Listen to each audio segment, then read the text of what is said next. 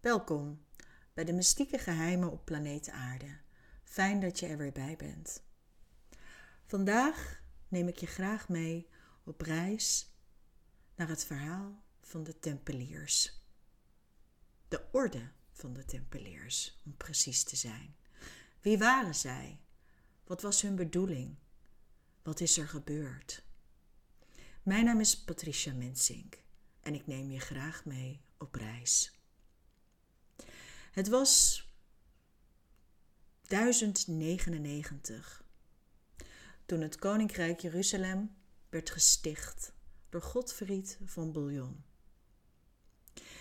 Dit was het resultaat van een bloederige kruistocht, waarbij de meeste islamieten en joden die Jeruzalem bevolkten werden uitgemoord. Godfried wilde geen koning genoemd worden en hij noemde zichzelf beschermer van het heilige graf. Na zijn overlijden werd zijn broer Boudewijn I koning van Jeruzalem. De Tempeliers werden rond die tijd opgericht door Hugo de Pans. Die koning Boudewijn de eerste die breidde het koninkrijk uit over de havensteden Akko, Sidon en Beirut en verwierf grote heerschappij over het graafschap Edessa. Dit bevond zich in het huidige grensgebied tussen Turkije en Syrië. En na zijn dood ontstond er een kort machtsvacuum, dat gekenmerkt werd door oplaaiende vijandigheden. Honderden pelgrims werden vermoord door de Sarakenen. En die Sarakenen, dat is belangrijk om dat te benoemen. Een Noord-Arabisch volk dat zich lang heeft verzet tegen de Oost-Romeinse keizers en zich in de 8e eeuw al bekeerde tot de islam. In de loop van de middeleeuwen werd deze term uitgebreid naar alle moslims en later alle tegenstanders van de christenen. Arabisch, Persisch of Turks. En die Saracenen, die waren beruchte piraten en plunderaars. Maar daarover op een ander tijdstip meer. Die Boudewijn de Eerste, die werd in 1119 opgevolgd door zijn neef Boudewijn de Tweede, graaf van Edessa. En het was dus een enorme onrustige tijd. Want er waren dus honderden pelgrims vermoord door die Saracenen. En die Hugo de Pangs, die richtte de Tempeliers op in eerste instantie in 1118. Wie was hij? Die eerste grootmeester van de orde van de Tempeliers. In eerste instantie is het belangrijk om je te realiseren dat hij ook vocht met Godfried van Bouillon, die zichzelf dus de beschermer van Jeruzalem noemde tijdens de eerste kruistocht. De Hugo de Pangs die richtte dus die orde van Tempeliers op. En dat deed hij onder de officiële naam de orde van de arme ridders van Christus en de tempel van Salomo. Hij werd waarschijnlijk geboren op Château, Pens, in de provincie Champagne. En hij was waarschijnlijk een vazal van Hugo I van Champagne. Even die naam onthouden, kom ik zo op terug. Hij begeleidde hem dus tijdens die eerste en hij behoorde dus tot het gevolg van Godfried van Bouillon, zoals ik net benoemde. Graaf Hugo van Champagne bezocht Jeruzalem voor de tweede keer in 1108 met aan zijn zijde Hugo, die uiteindelijk voorgoed dus bleef in Jeruzalem. Hij organiseerde met negen monniken om zich heen een bescherming. Je moet je voorstellen dat Jeruzalem was vogelvrij. En hij had zoiets, we moeten alle pelgrims beschermen die langs de route van, de heilige, van het heilige land trekken. Dit naar aanleiding van paus Urbanus II, die hiertoe een oproep had gedaan. Peens benaderde Boudewijn II, net benoemd, met acht ridders en monniken. Twee van hen waren broers, de rest was verbonden door familie en bloedverwanten. En het doel was om de orde van tempeliers op te richten. De andere ridders waren Godfried van Sint-Omars, Payen de Montdidier, Ascambalt de Saint-Angers, André de Montbard, Geoffrey Bison en twee mannen die geregistreerd werden onder de namen Ruzal en De negende ridder bleef onbekend. En eigenlijk tot op de dag van vandaag wordt gespeculeerd dat het graaf Hugo van Champagne zelf was.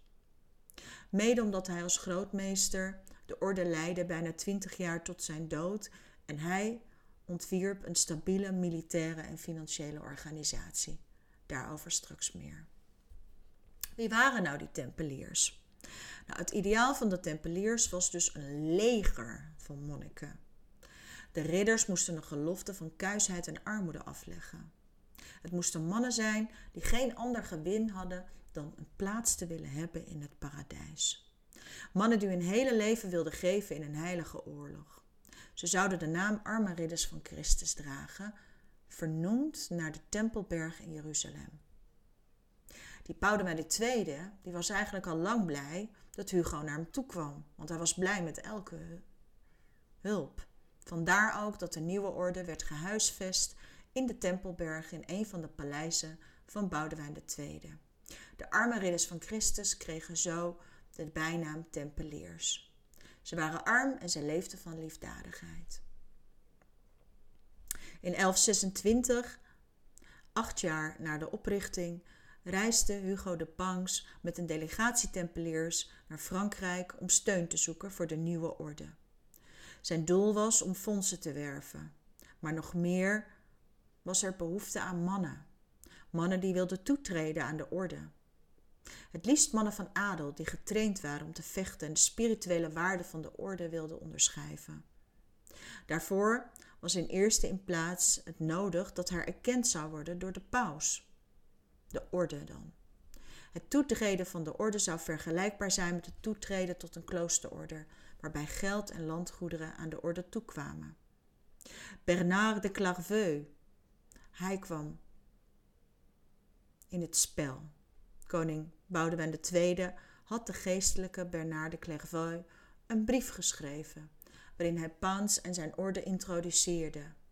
De idealistische en invloedrijke ambt was onder de indruk van de denkbeelden van de Tempeliers. De combinatie van geestelijke richtlijnen in combinatie met het ridderschap was nieuw en sloot perfect aan bij zijn denkbeelden. Het leven in een kloosterorder moest volgens deze Bernard een leven zijn van werken en toewijding. Het leven in een orde van de Tempeliers zou de geloofstoewijding combineren met het vechten voor het heilige doel. Clairvaux had in het gelijknamige Clairvaux een Cistercensen klooster gesticht, waarin de in het wit geklede monniken een streng en eenvoudig leven leidden. Een dergelijk beeld zag hij ook voor de Tempeliers. Bernard begreep als geen ander hoe het was om geroepen te worden. Hij kende de behoeften van de mensen die op zoek waren naar goddelijke inspiratie. En hij wist precies hoe hij de rijken en machtigen kon bewerken om hen geld en goederen te laten schenken aan goede doelen. De geïnspireerde Bernard de Clairvaux en de welbespraakte Hugo de Pans vormden een geweldige combinatie. Er werden fondsen geworven en mensen Mannen vooral, geen vrouwen helaas, alleen mannen, zochten aansluiting bij de orde. Stukken land in Vlaanderen en de Champagne werden aan de Tempeliers gegeven. Het geld stroomde binnen. Niet alleen vanuit Frankrijk en Vlaanderen, maar ook de Engelse en de Schotse koningen waren gul en schonken geld. Er werden meer mensen dan ooit overtuigd om het zwaard op te pakken en te vechten voor het heilige land. Op 13 januari 1129 werd een concilie georganiseerd in Troyes, een plaats in de Champagne in Frankrijk. De toenmalige paus Honoraris II werd vertegenwoordigd door de bisschop van Albino. Naast een aantal andere bisschoppen waren er ook edellieden uit de Bourgogne en de Champagne aanwezig. Hier werd de grondregel van de orde van de Tempeliers vastgesteld. Grotendeels gebaseerd op de grondregel van de Cistercensen had Bernardus van Clairvaux de richtlijnen voor de nieuwe orde nauwkeurig verwoord. Centraal stonden armoede, kuisheid en devotie. Met de acceptatie van deze grondregel werd de orde van de Tempeliers officieel erkend door de paus.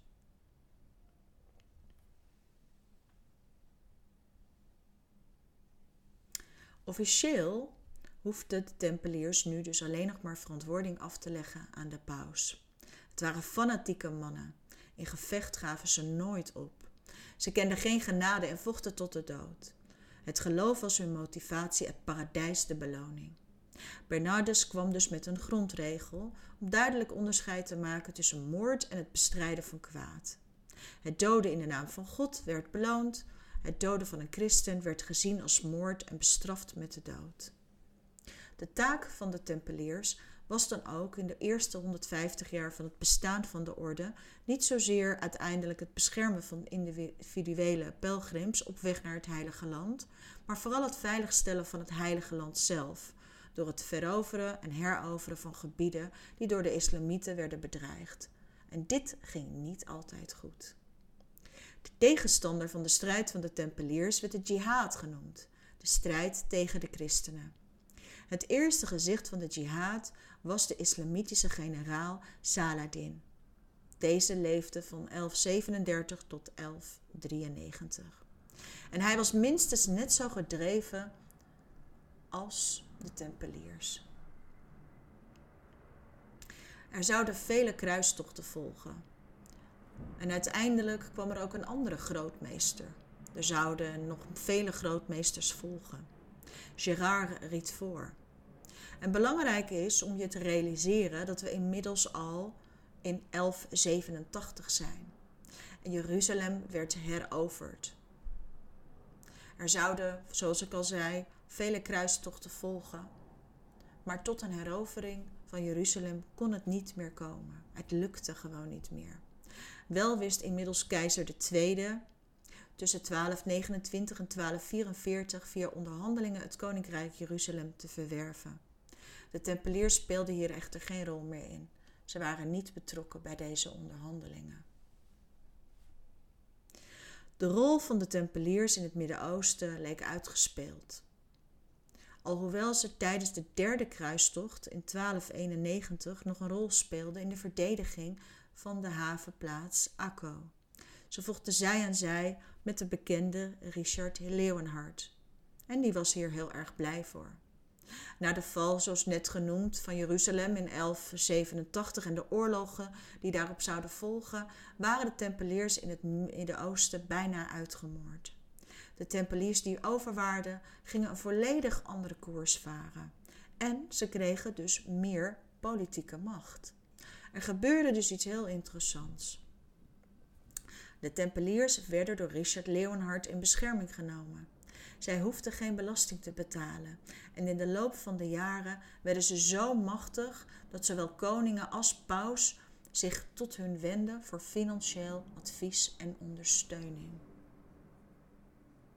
De macht van de Tempeliers was in eerste instantie te vergelijken met de macht van nu grote financiële instellingen.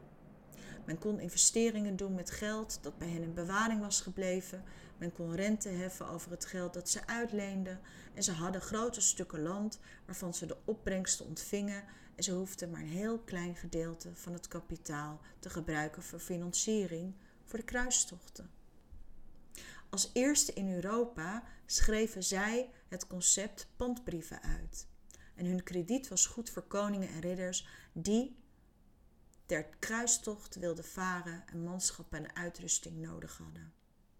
De Tempeliers werden, mede dankzij de gelofte van armoede, zeer snel een hele rijke orde, die overal in het koninkrijk Jeruzalem en ook in Europa grote landerijen bezat.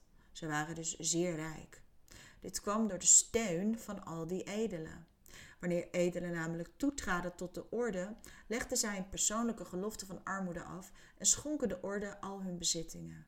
Daardoor, en omdat ze vrijgesteld waren van belastingen, werd de orde dus voor de belangrijkste financiële markt, dus de bankiers. Ze werden eigenlijk, je kan het zo zeggen, als de bankiers van het Westen. Die schuldbrief, die pandbrief, dat is dus echt hun uitvinding. En nogmaals benoem ik dat omdat het zo belangrijk is om je te realiseren waar dit vandaan komt. Je moet je voorstellen dat we, hebben, we spreken over honderden jaren geleden. 1189 was de val van Jeruzalem, dus al rond die tijd. De kruisvaarders en de pelgrims hadden in de Oriënt veel contacten met de plaatselijke islamitische bovenlaag. En de tempeliers raakten door al deze contacten bekend met wat vergelijken met het West-Europa andere standaarden over filosofie en wetenschappen van de Arabische cultuur. De ridders waren in staat om hun Europese tijdgenoten dus te helpen. En ook al deze rijkdommen zich eigen te maken. De inmiddels internationaal werkende orde vervoerde grote geldsommen van en naar het Heilige Land. Het werd echt een internationaal bankiershuis. En zo stond de koning van Frankrijk zwaar in de schuld bij hen. En samen met hun groeiende machtspositie zou dit uiteindelijk de aanleiding geweest kunnen zijn voor koning Philippe vierde van Frankrijk om de orde te laten vervolgen vanwege sketterij. Dit gebeurde na jarenlange politieke druk op de kerk, waarbij de koning zelf twee pausen heeft laten vermoorden, zodat een vertrouweling van hem, paus Clemens V, herkozen kon worden. Mijn excuses, niet herkozen, maar verkozen.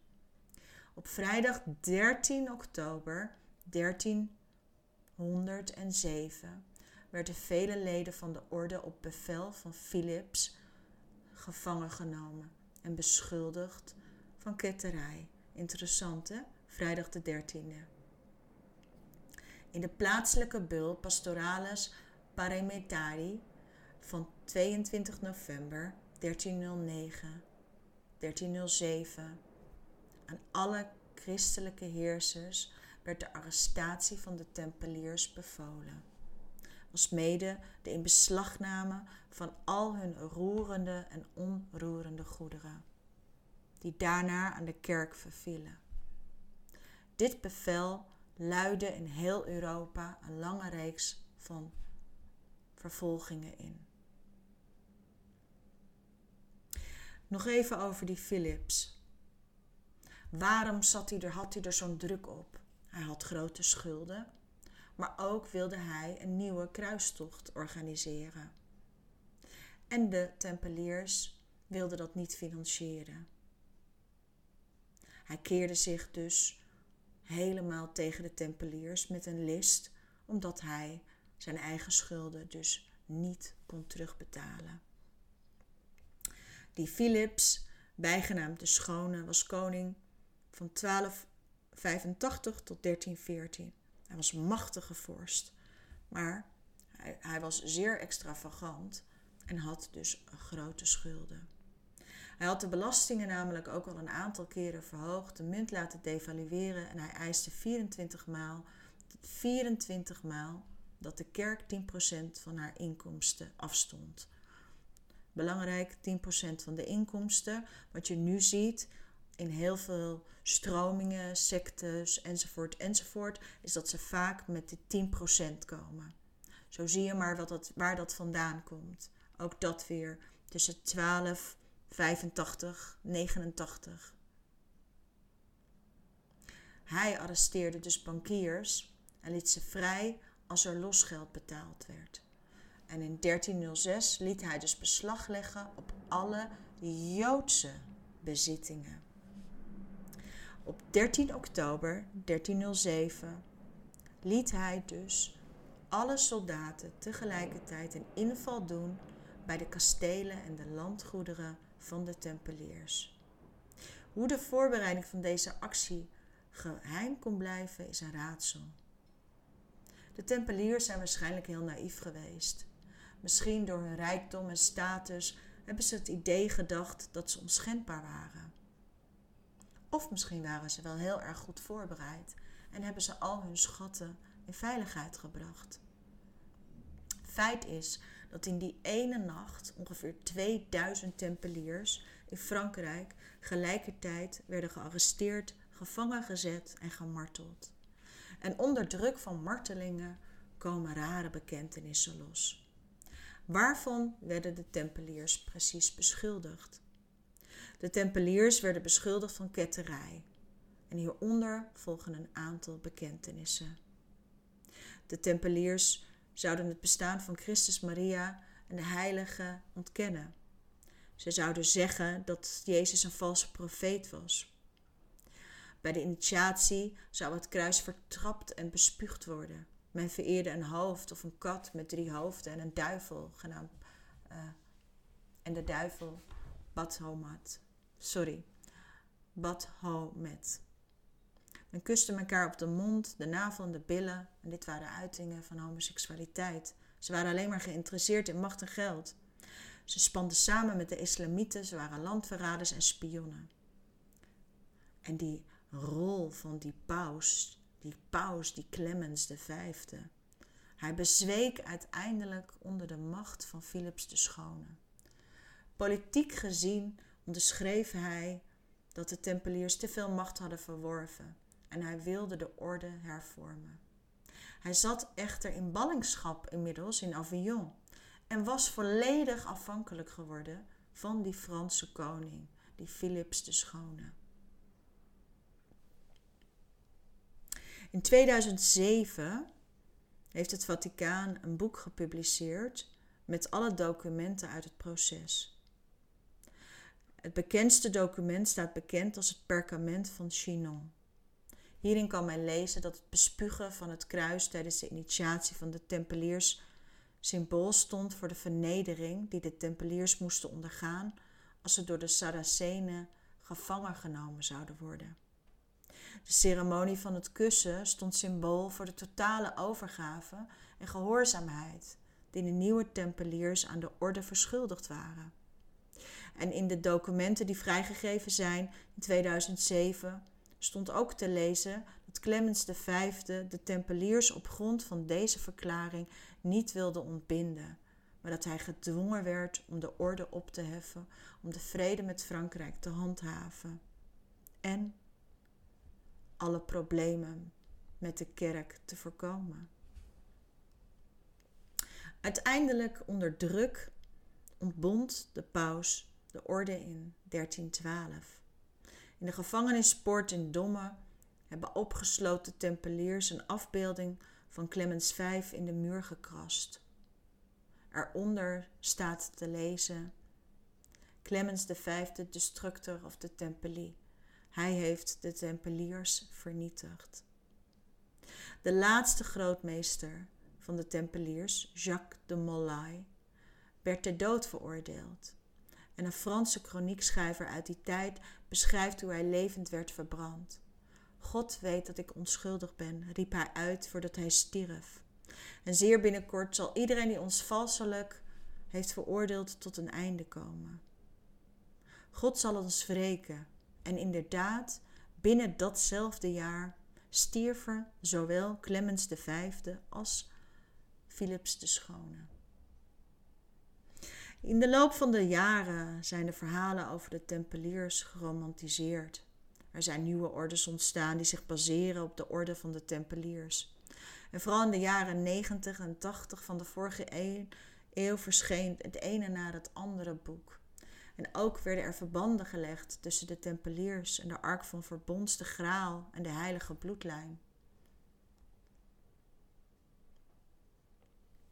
Graham Hancock stelt in zijn boeken teken, het zegel en de wachters dat de Tempeliersridders achter de verblijfplaats van de ark waren gekomen.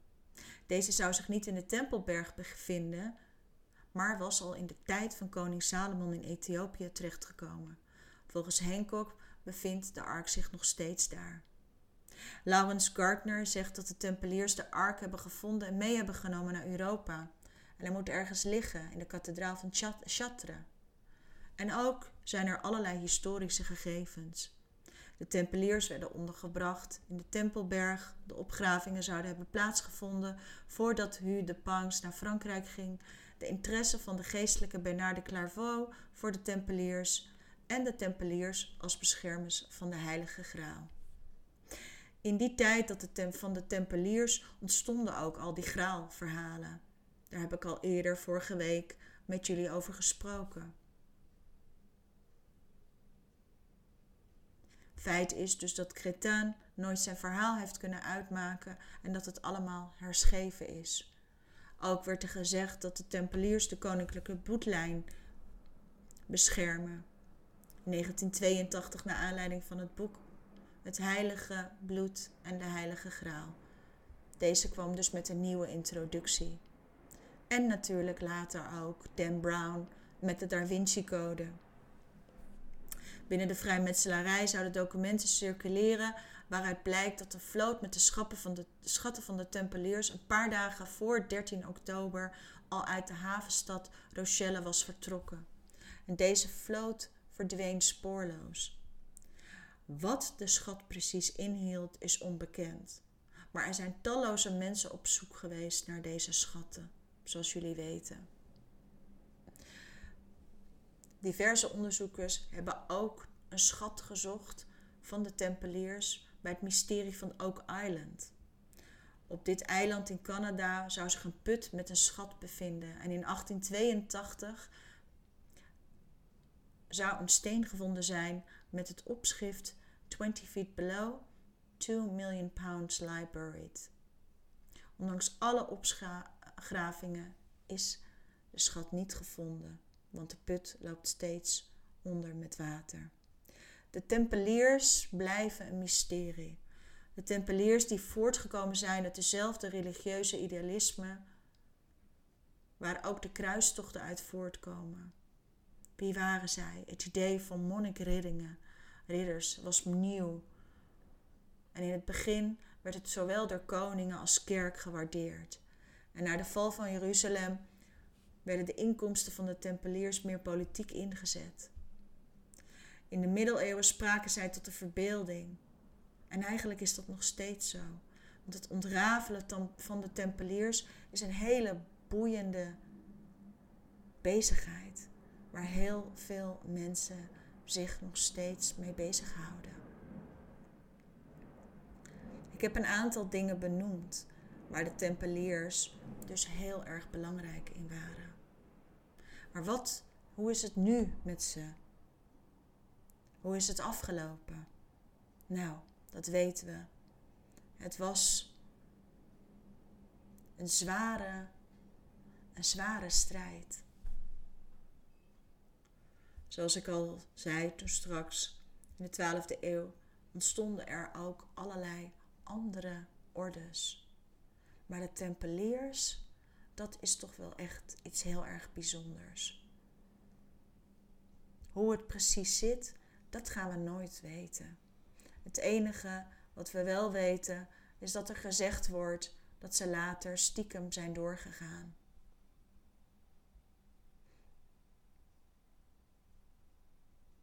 Echt. Maar de officiële orde, die is in eerste instantie opgeheven. Wat is het geheim? Ik denk heel veel grote mysteries. En ik beloof jullie, samen gaan wij het absoluut nog verder ontrafelen. Voor nu? Was jij vroeger een tempelier? Of zou jij nu een tempelier zijn? Wat is jouw kruistocht? Zou je meedoen? Wat is jouw eigen heilige oorlog? Ik ben heel erg benieuwd. Volgende week kom ik met een nieuw mysterie. Voor vandaag wil ik je bedanken voor het luisteren en tot snel. Dag!